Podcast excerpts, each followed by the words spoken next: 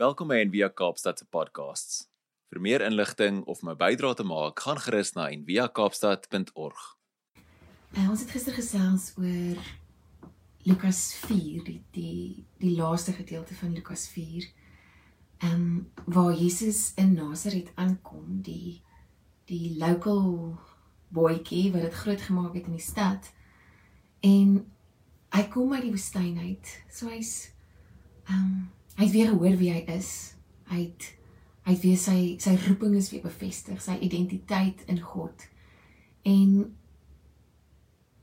as so iets gebeur, dan het 'n mens die geneigtheid om uh om nie om te gee wat wat mense van jou dink nie, selfs mense wat jy graag sou wou beïndruk.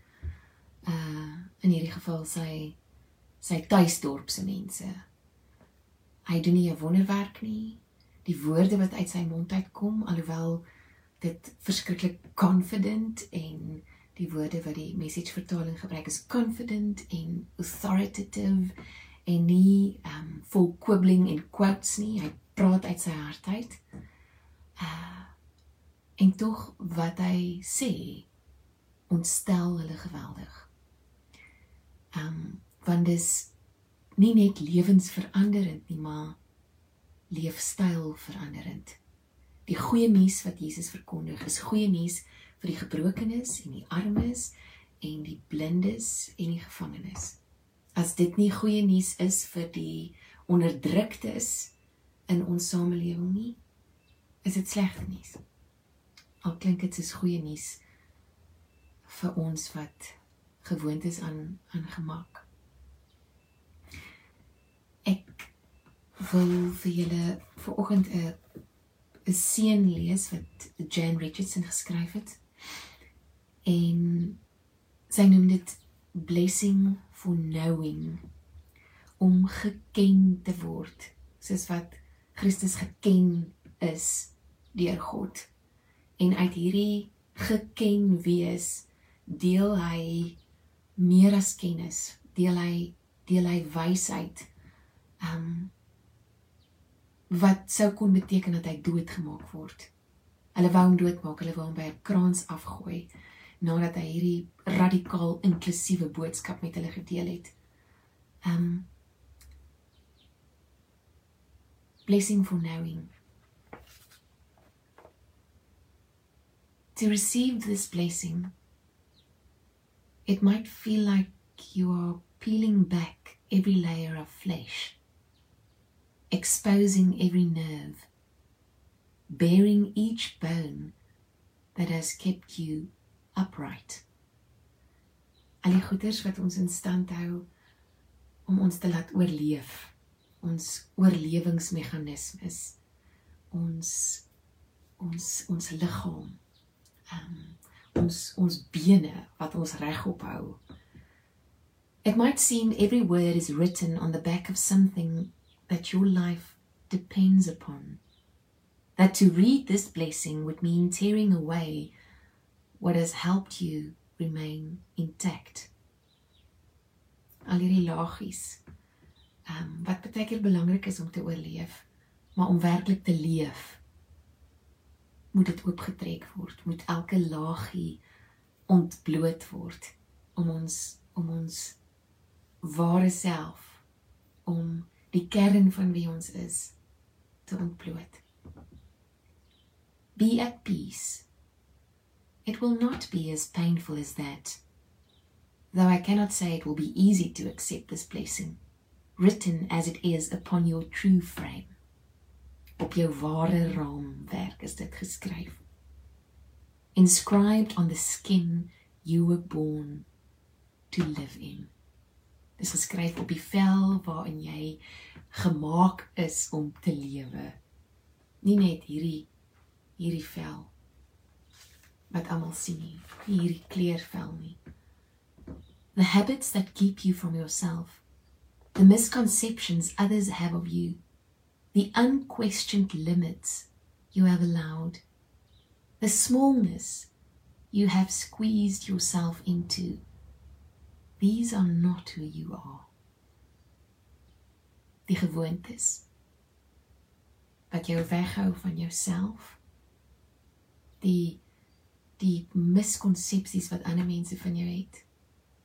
Die beperkings wat jy wat jy aanvaar waaroor jy nie eers vra vra nie.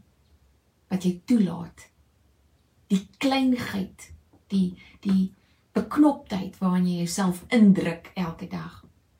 Dis nie wie jy is nie. This blessing wants all this to fall away. This blessing, and it is stubborn on this point, I assure you, desires you to know yourself as it knows you, to let go of every layer that is not you, to release each thing you hide behind, to open your eyes and see what it sees. How this blessing has blazed in you since before you were born. How it has sustained you when you could not see it. How it haunts you, prickling beneath your skin, asking to shine forth in full and unstinting measure. How it begins and ends with your true name. Dit laat my dink aan Gerald May se woorde nothing real can be threatened. En mag dit vandag vir jou ongekende vertroue gee, nie net selfvertroue nie, maar vertroue in God in in hoe jy dinge aanpak. Nothing real can be threatened. Niks wat werklik is, niks wat werklik jy is, kan bedreig word nie. En eintlik dan nothing unreal actually exists. Kom ons word vir 'n paar minute stil en in Frans aan die begin net hierdie hierdie seën, hierdie hierdie naam wat God vir jou gegee het van die begin af. Um hierdie hierdie seën wat wat nie die beknoptheid wil aanvaar nie, wat nie beperkings wil aanvaar nie, wat nie al die gewoontes wat jy gevorm het wil aanvaar net om jou regop te hou nie hierdie seën wat jou wil laat leef in volheid.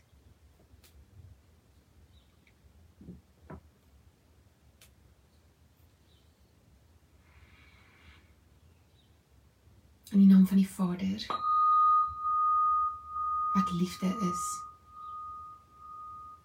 In die naam van die Seun wat geliefd is en waarin ons bloudruk opgesluit lê.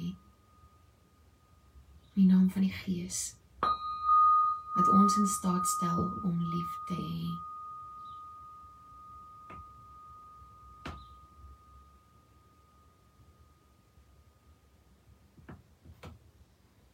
Wat vir 'n oomblik 'n diep asem om hierdie beknoptheid en beperkings wat ons ook baie keer in ons in ons in ons liggame laat manifesteer oop te maak om ons te ontknoop.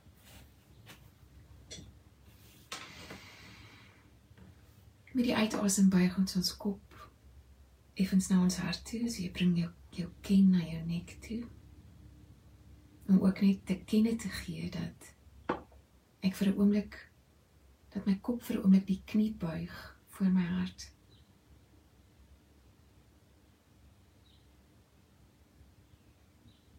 dat om geken te word baie belangriker is as enige kennis.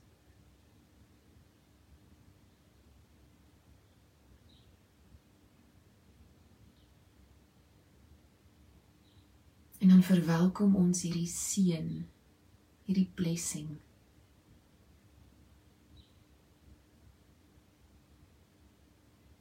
Wat nie maklik is nie, wat nie gemaklik is nie. Maar wat ons innooi in 'n in 'n waarwyd oop lewe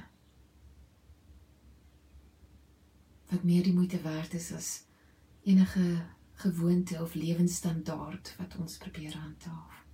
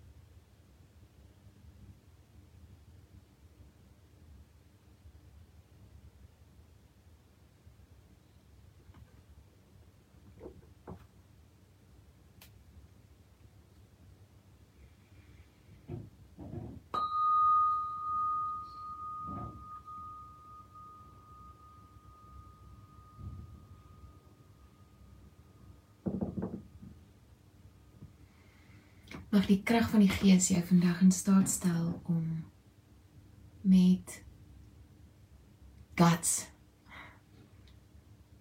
omdat jy gehoor het dat jy God se geliefde is. Omdat jy vertroue het in die een wat liefde is. Jy moet guts laat leef om nie die maklike of gemaklike opsie of woorde altyd te kies nie maar die wat die goeie nuus bring vol liefde wat goeie nuus is vir vir almal nie net jouself of jou chommies nie ek hoop julle het 'n 'n mooi vreugdevolle vrugtevolle week Dankie dat jy saam geluister het vandag. Besoek gerus en via kaapstad.org vir meer inligting.